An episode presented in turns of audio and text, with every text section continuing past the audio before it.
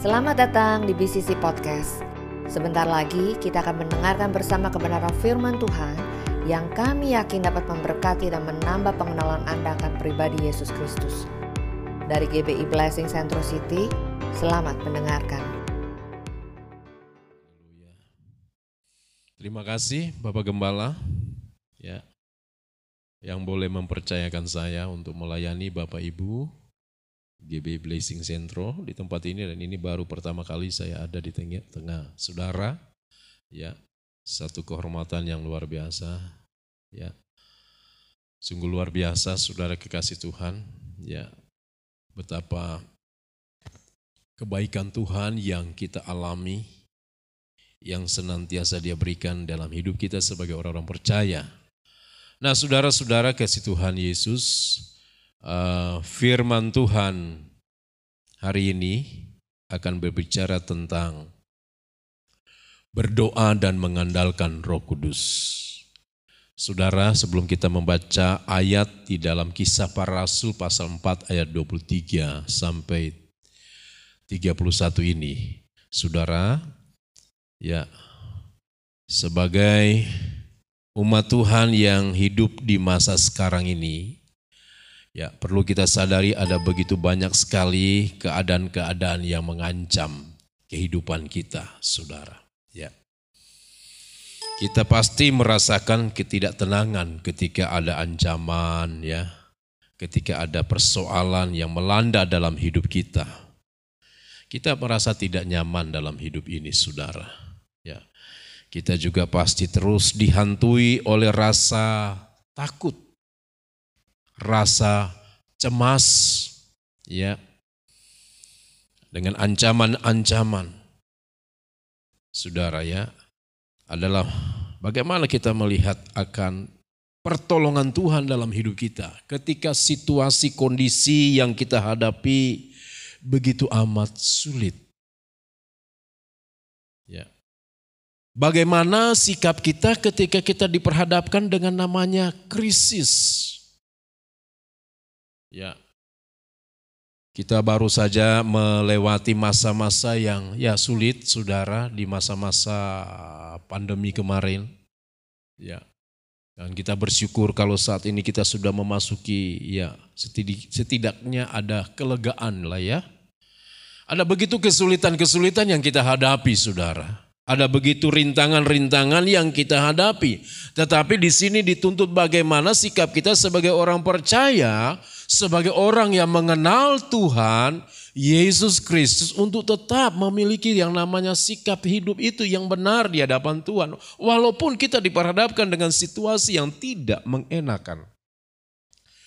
Walaupun kita diperhadapkan dengan situasi-situasi yang tidak nyaman. Karena masalah persoalan yang begitu rumit. Persoalan yang tantangan yang kita hadapi. Tekanan-tekanan dalam kehidupan kita. Tekanan dalam rumah tangga, tekanan dalam pekerjaan. Tekanan di dalam, ya macam-macam saudara. Udah tekanan begitu banyak ada intimidasi-intimidasi juga. Tetapi bagaimana sikap kita sebagai orang percaya, sebagai murid Tuhan, sebagai anak-anak Tuhan untuk tetap melangkah di dalam keimanan kita kepada Kristus, saudara. Kita harus terus dapat melewati semuanya ini. Dan tentunya hal ini, saudara, dalam hidup-hidup ini kita tidak bisa mengandalkan akan kekuatan kita. Tidak bisa mengandalkan akan kepintaran kita, akan kecerdasan kita. Semuanya itu sudah dibuktikan ketika peristiwa kemarin. Masa-masa yang sulit ini, saudara ya, pandemi kemarin. Semuanya uh, berbagai hal dalam dunia ini. Semuanya tidak ada arti apa-apanya. Tetapi sebagai orang percaya, bagaimana kita tetap konsisten dalam panggilan kita. Mari kita buka Alkitab kita, kisah para rasul pasal yang keempat. Kita akan melihat kebenaran tentang kehidupan jemaat ya Kisah para Rasul pasal 4 ayat 23 sampai 31. Saudara-saudara yang dikasih oleh Tuhan Yesus Kristus, ketika kita membaca kebenaran ini, maka inilah yang harus kita lakukan dalam hidup kita. Saudara, bagaimana kita dapat bertahan di tengah-tengah ancaman, Bagaimana kita dapat bertahan di tengah-tengah kesulitan yang ada dan kita tetap konsisten di dalam kita memberitakan kabar baik. Dan hal ini sudah terjadi ketika para murid-murid ya mereka menghadapi ancaman yang begitu luar biasa tetapi mereka tetap konsisten untuk memberitakan kabar sukacita di tengah-tengah kesulitan, di tengah-tengah penderitaan, di tengah-tengah olokan, di tengah-tengah caci maki. Mereka tetap konsisten untuk mengabarkan kabar baik. Saudara, kalau kita melihat keadaan zaman yang kita hadapi hari-hari ini, oh saudara, begitu sangat mengerikan. Ketika kita dengar berita yang ada di medsos, kalau kita tidak mempunyai kehidupan yang intim dengan Tuhan, kita baca media sosial, berita-berita yang sangat-sangat menakutkan. Beberapa ini kejadian, beberapa kali ini kejadian kita dengar. Ada anak yang bunuh orang tuanya. Ya. Ada orang yang loncat dari apartemen. Ah, begitu banyak hal-hal yang terjadi di masa-masa sekarang ini. Terjadi bagaimana rumah tangga terancam dengan namanya perceraian. Tapi bagaimana kita sebagai umat Tuhan untuk tetap konsisten, untuk tetap ada, saudara. Dan ini dapat kita lakukan ketika kita selalu mengandalkan Tuhan dalam hidup ini. Lewat apa? Berdoa dan mengandalkan Roh Kudus. Roh Kudus adalah pribadi yang menolong kita dalam segala hal, termasuk menolong kita dalam berdoa. Ketika dituntun rohnya dalam doa, kita diarahkan untuk apa? Berbicara, berdoa secara benar. Saudara, dan kita harus meyakini apa yang terjadi ketika doa-doa kita itu dituntun oleh Roh Kudus. Kita belajar dari pembacaan Alkitab tadi dalam kisah para rasul pasal 4. Bagaimana dikatakan di situ pergilah Petrus dan Yohanes kepada rekan-rekannya atau kepada sahabat-sahabatnya, kepada teman-temannya mereka. Lalu dikatakan mereka, menceritakan segala sesuatu yang dikatakan imam-imam kepala dan tua-tua pada mereka. Situasi saat itu dihadapan di, dihadapi oleh Yohanes dan Petrus begitu sulit saudara tetapi bagaimana mereka tetap konsisten untuk tetap mengatakan kebenaran, menyaksikan kebenaran itu walaupun dalam suasana yang tidak enak. Ketika mereka dilepaskan dari tangkapan para imam-imam, ahli-ahli Taurat lah gitu ya saudara. Karena mereka diadili dan, sebagai, dan sebagainya oleh karena mereka memberitakan kabar baik. Mereka menceritakan tentang Yesus Kristus. Mereka ditangkap karena begitu banyak orang percaya kepada Tuhan lewat perkataan dari Petrus dan Yohanes. Dan ketika itu dikatakan Petrus dan Yohanes ditangkap dan setelah dilepaskan Petrus dan Yohanes bertemu dengan sahabat-sahabatnya, bertemu dengan rekan-rekannya menceritakan keadaan yang mereka hadapi. Yang mereka ceritakan adalah betapa sulit dan mereka harus tetap menceritakan kebenaran firman Allah, menceritakan tentang Yesus Kristus. Saudara, apa yang terjadi ketika doa-doa kita dituntun oleh Roh Kudus? Yang akan kita hadapi, saudara, Di dalam ayat 27-28 dikatakan sebab sesungguhnya telah berkumpul di dalam kota ini Herodes dan Pontius Pilatus beserta bangsa-bangsa dan suku-suku bangsa Israel melawan yang dilawan siapa? Ye Yesus. Hambamu yang kudus, yang engkau urapi untuk melaksanakan segala sesuatu yang telah engkau tentukan dari semula oleh kuasa dari kehendakmu. Saudara dikasih Tuhan Yesus betapa sulit yang mereka akan hadapi. Tapi mereka tetap konsisten di dalam melayani. Tantangan ya akan dihadapi. Ancaman ya akan dihadapi. Tapi mereka tetap fokus konsisten. Ini yang kita hadapi di masa sekarang, saudara. Ini yang kita hadapi hari-hari ini. Bagaimana kita harus tetap kuat di dalam Tuhan. Bagaimana kita harus tetap menjadi terang Kristus. Bagaimana kita harus dapat menggarami akan dunia di sekitar kita. Kita tetap harus konsisten dengan apa yang sudah kita percayai yaitu di dalam Kristus bahwa Yesuslah sebagai Tuhan sebagai juru selamat satu-satunya. Kalau kita baca ayat-ayat ini dari awal dikatakan di bawah kolong langit ini tidak ada yang dapat menyelamatkan selain hanya dia saja yang dapat menyelamatkan. Ini yang dikatakan oleh para murid oleh Yohanes dan Petrus menceritakan bahwa di bawah kolong langit ini tidak ada yang dapat menyelamatkan. Hanya satu nama yaitu Kristus dan ini adalah tantangan yang mereka hadapi. Dan kita pun sebagai umat Tuhan hidup di zaman sekarang ini Bapak Ibu. Tidak mudah. Ada tantangan yang harus kita hadapi. Ada masalah yang harus kita hadapi. Tetapi bagaimana kita tetap harus kuat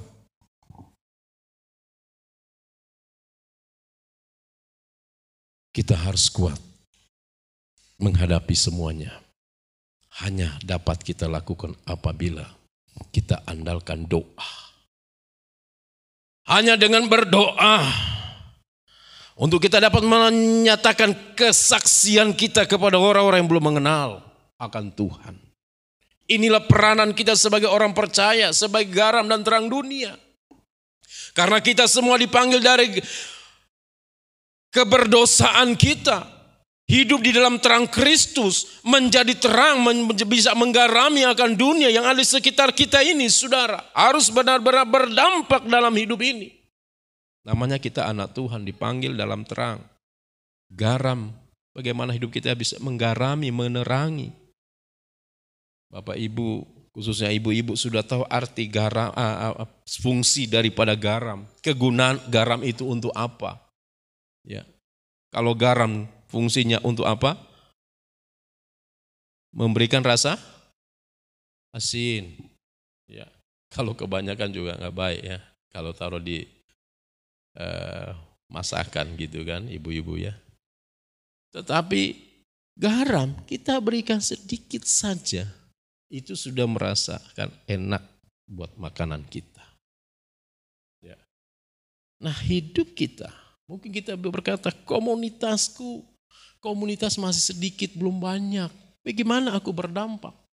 Kita belajar dari garam, saudara. Makanya Yesus memberikan analogi yang demikian. Garam. Yesus memberikan analogi, garam diberikan. Sedikit saja sudah bisa memberikan rasanya, rasa yang enak.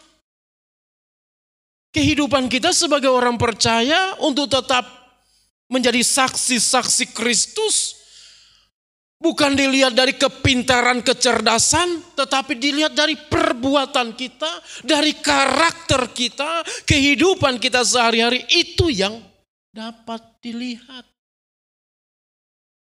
Orang gak lihat akan oh, kepintaranmu, kecerdasanmu.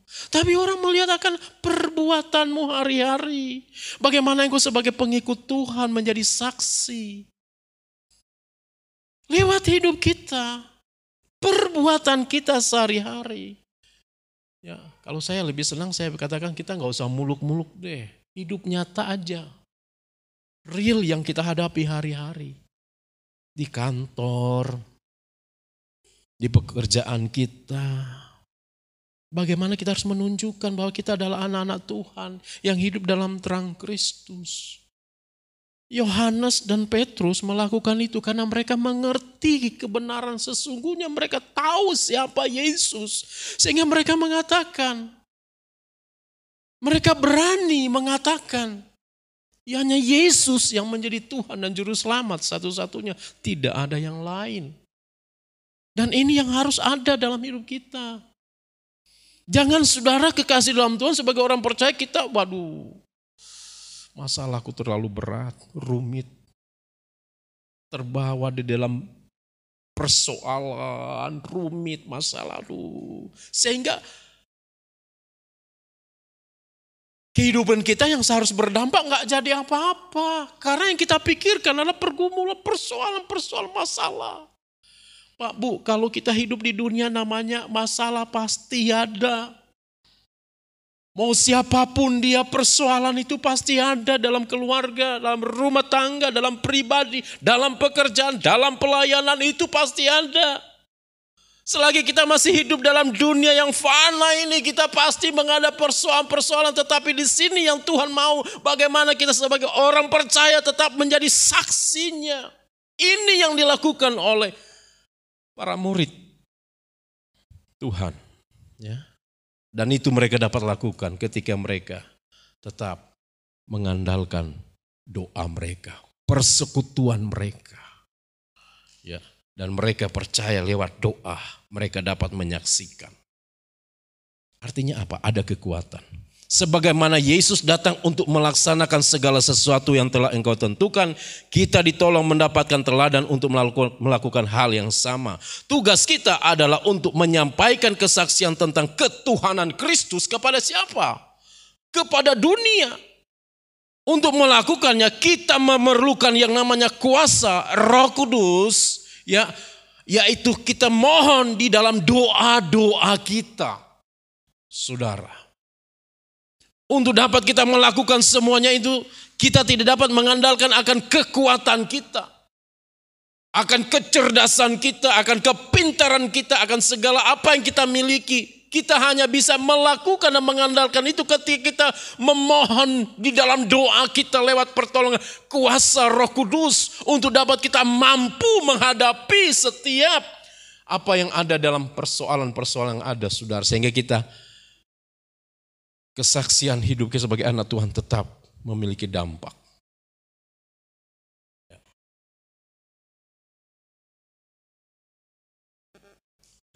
Saya ketika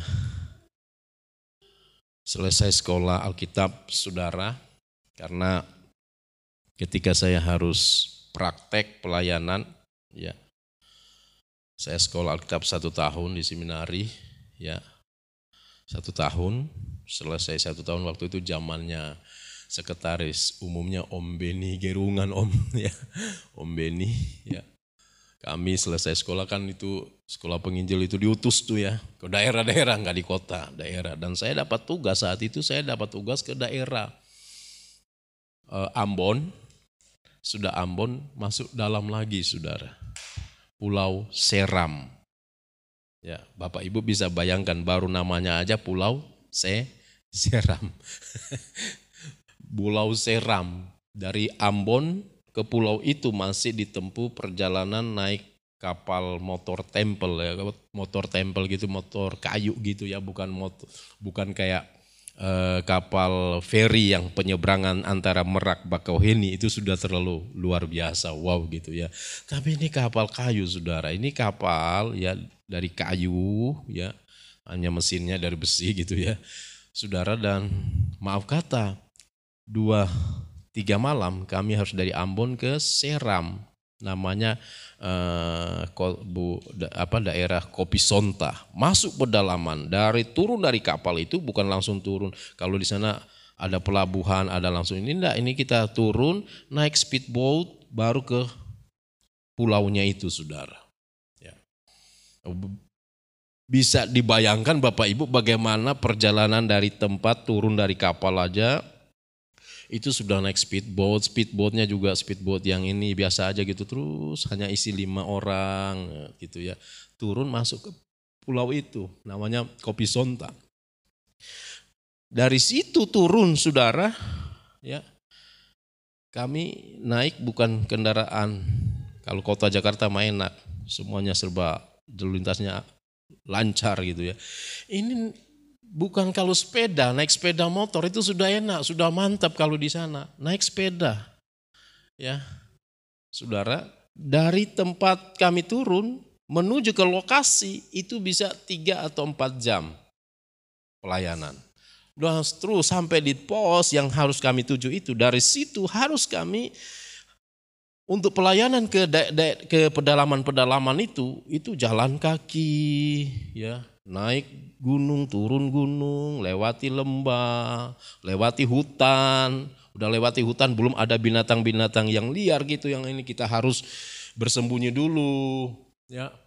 Untuk menuju ke satu tempat pelayanan dan itu tidak gampang saudara.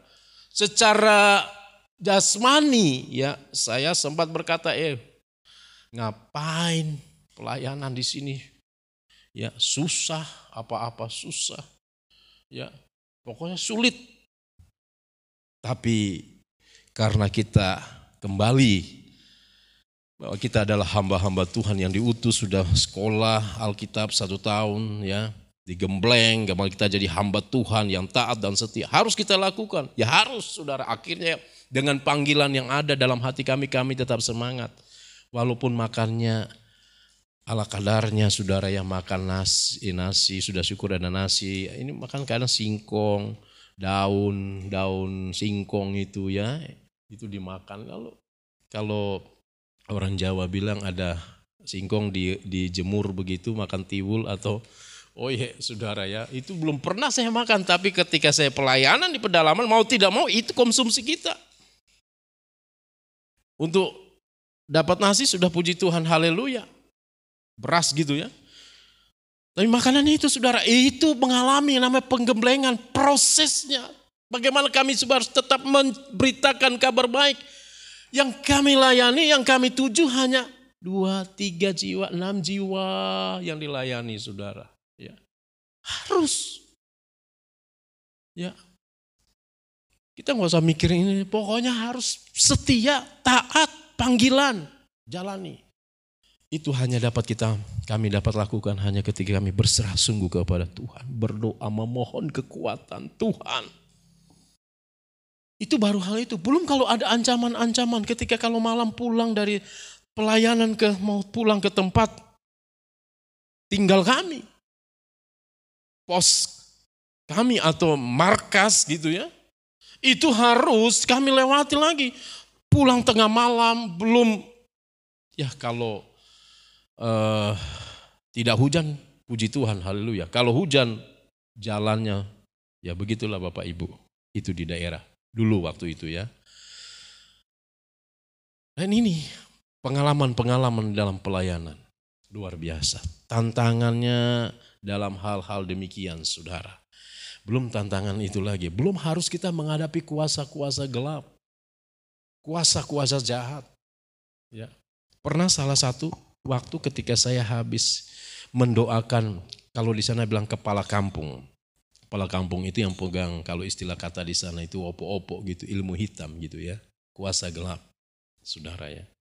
Itu kami bakar, saya bersama dua, dua tiga orang itu dengan beberapa jemaat, kami berdoa, bakar saudara. Dan setelah bakar, malamnya saudara, besoknya malamnya dapat teror. Kita lagi tidur, saudara kasih dalam Tuhan. Tiba-tiba nggak ada nggak ada hujan, nggak ada nggak ada pokoknya waktu itu cuaca baik, malam-malam angin kencang. Hanya terjadi di lingkungan rumah kami, di tempat tinggal kami bilang ini apa? Angin. Ya. Eh, lampu lampu kan lampu ini lampu apa itu yang dipakai apa itu eh, minyak tanah dulu itu ya. Bukan ya lampu ya petromax itu. Itu digantung pak ibu. Ditiup jatuh. Ya jatuh itu serangan balik. Kami harus tetap bagaimana ini? Oh kita tetap tekun, setia, doa terus, doa terus, doa terus. Berdoa, berdoa, berdoa malam itu juga, saudara. Pagi-paginya rekan saya yang satu sakit. Saudara, hampir lewat.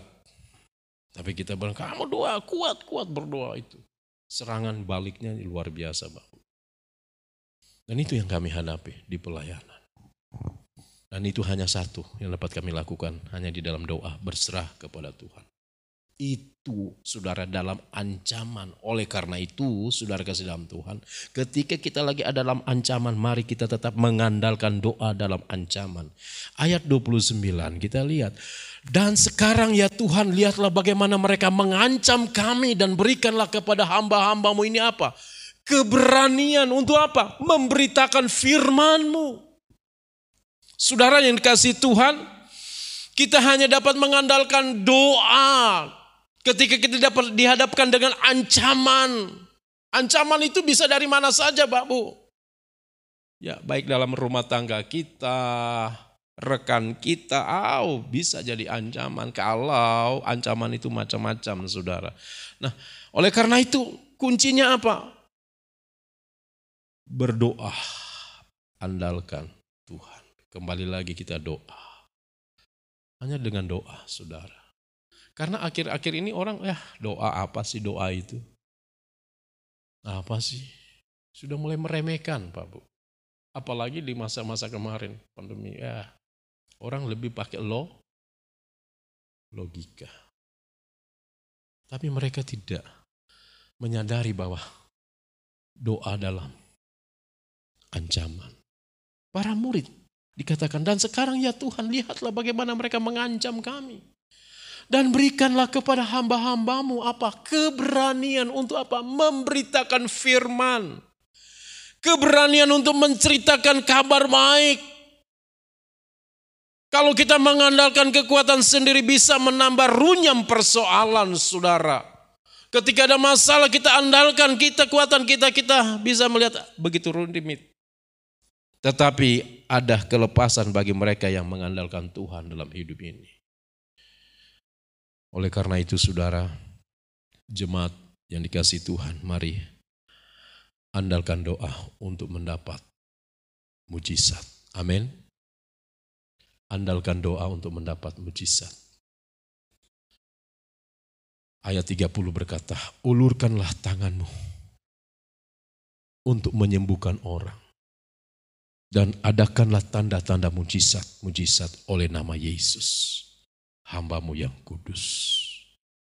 Saudara, mari sebagai orang percaya tetap kita mengimani hal demikian. Ya, andalkan doa. Dekat dengan Tuhan. Kita akan mengalami mujizat-mujizat itu. Apa yang kau hadapi hari-hari ini? Ada masalah yang dapat diselesaikan dengan tuntunan hikmat Tuhan dan dibereskan dengan langkah-langkah tertentu. Ya. Tetapi ada juga keadaan yang hanya dapat diselesaikan dengan mujizatnya.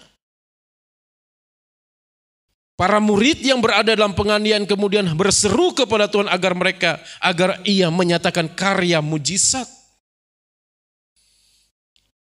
Maksudnya Bapak Ibu Saudara kasih Tuhan adalah kita lihat bahwa ada kalanya mujizat, eh ada kalanya persoalan dapat diselesaikan dengan kita butuh hikmat. Seperti Salomo, ya kan? Hikmat Salomo itu tiada taranya, Saudara. Jika ada masalah dia mengatap dengan hikmat. Dia minta minta hikmat dari Tuhan. Tetapi ada juga keadaan yang hanya dapat diselesaikan dengan mujizat Dan saat itu para murid yang berada dalam penganiayaan, mereka hanya berseru kepada Tuhan. Mereka berseru kepada Tuhan agar menyatakan karya mujizatnya. Ini cara-cara Tuhan bekerja, saudara. Jadi mari, di masa-masa sekarang ini, kuncinya kita hanya datang dengan doa. Dan harapkanlah kuasa Tuhan bekerja. Mujizat pasti terjadi. Dan mujizat itu masih bekerja sampai saat ini saudara. Karena ada orang-orang tertentu yang sudah mulai apa itu mujizat.